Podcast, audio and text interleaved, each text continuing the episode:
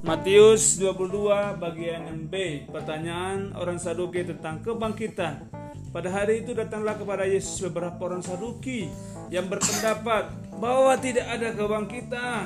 Mereka bertanya kepadanya Guru, Musa mengatakan bahwa jika seorang mati dengan tiada meninggalkan anak Saudaranya harus kawin dengan istrinya itu Dan membangkitkan keturunan bagi saudaranya itu.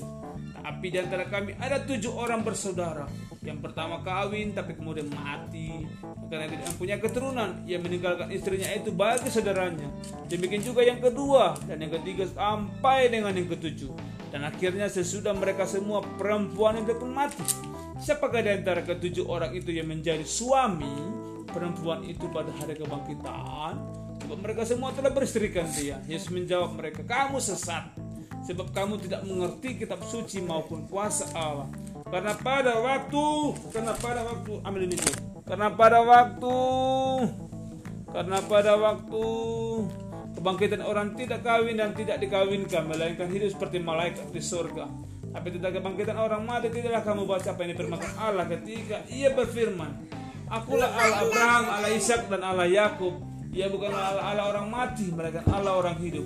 Orang banyak yang mendengar itu takjub akan pengajarannya hukum yang terutama. Ketika orang-orang Farisi mendengar bahwa Yesus telah membuat orang-orang Saduk itu bungkam, berkumpullah mereka dan seorang dari mereka seorang ahli Taurat bertanya untuk mencobai Yesus. Katanya, Guru, hukum mana yang terutama dalam hukum Taurat? Jawab Yesus kepadanya, Kasihilah Tuhan Allahmu dengan segenap hatimu, dan dengan segenap jiwamu, dan dengan segenap akal budimu. Kasih siapa? Kasih siapa? Ah? Allah kasih aku. Itulah hukum yang pertama dan pertama dan hukum yang kedua yang sama dengan itu. Kasihlah sesamamu manusia seperti dirimu sendiri. Pada kedua hukum inilah tergantung seluruh hukum Taurat dan kitab para nabi. Hubungan antara Yesus dan Daud. Ketika orang-orang Farisi sedang berkumpul, Yesus bertanya kepada mereka katanya, Apakah pendapatmu tentang Mesias?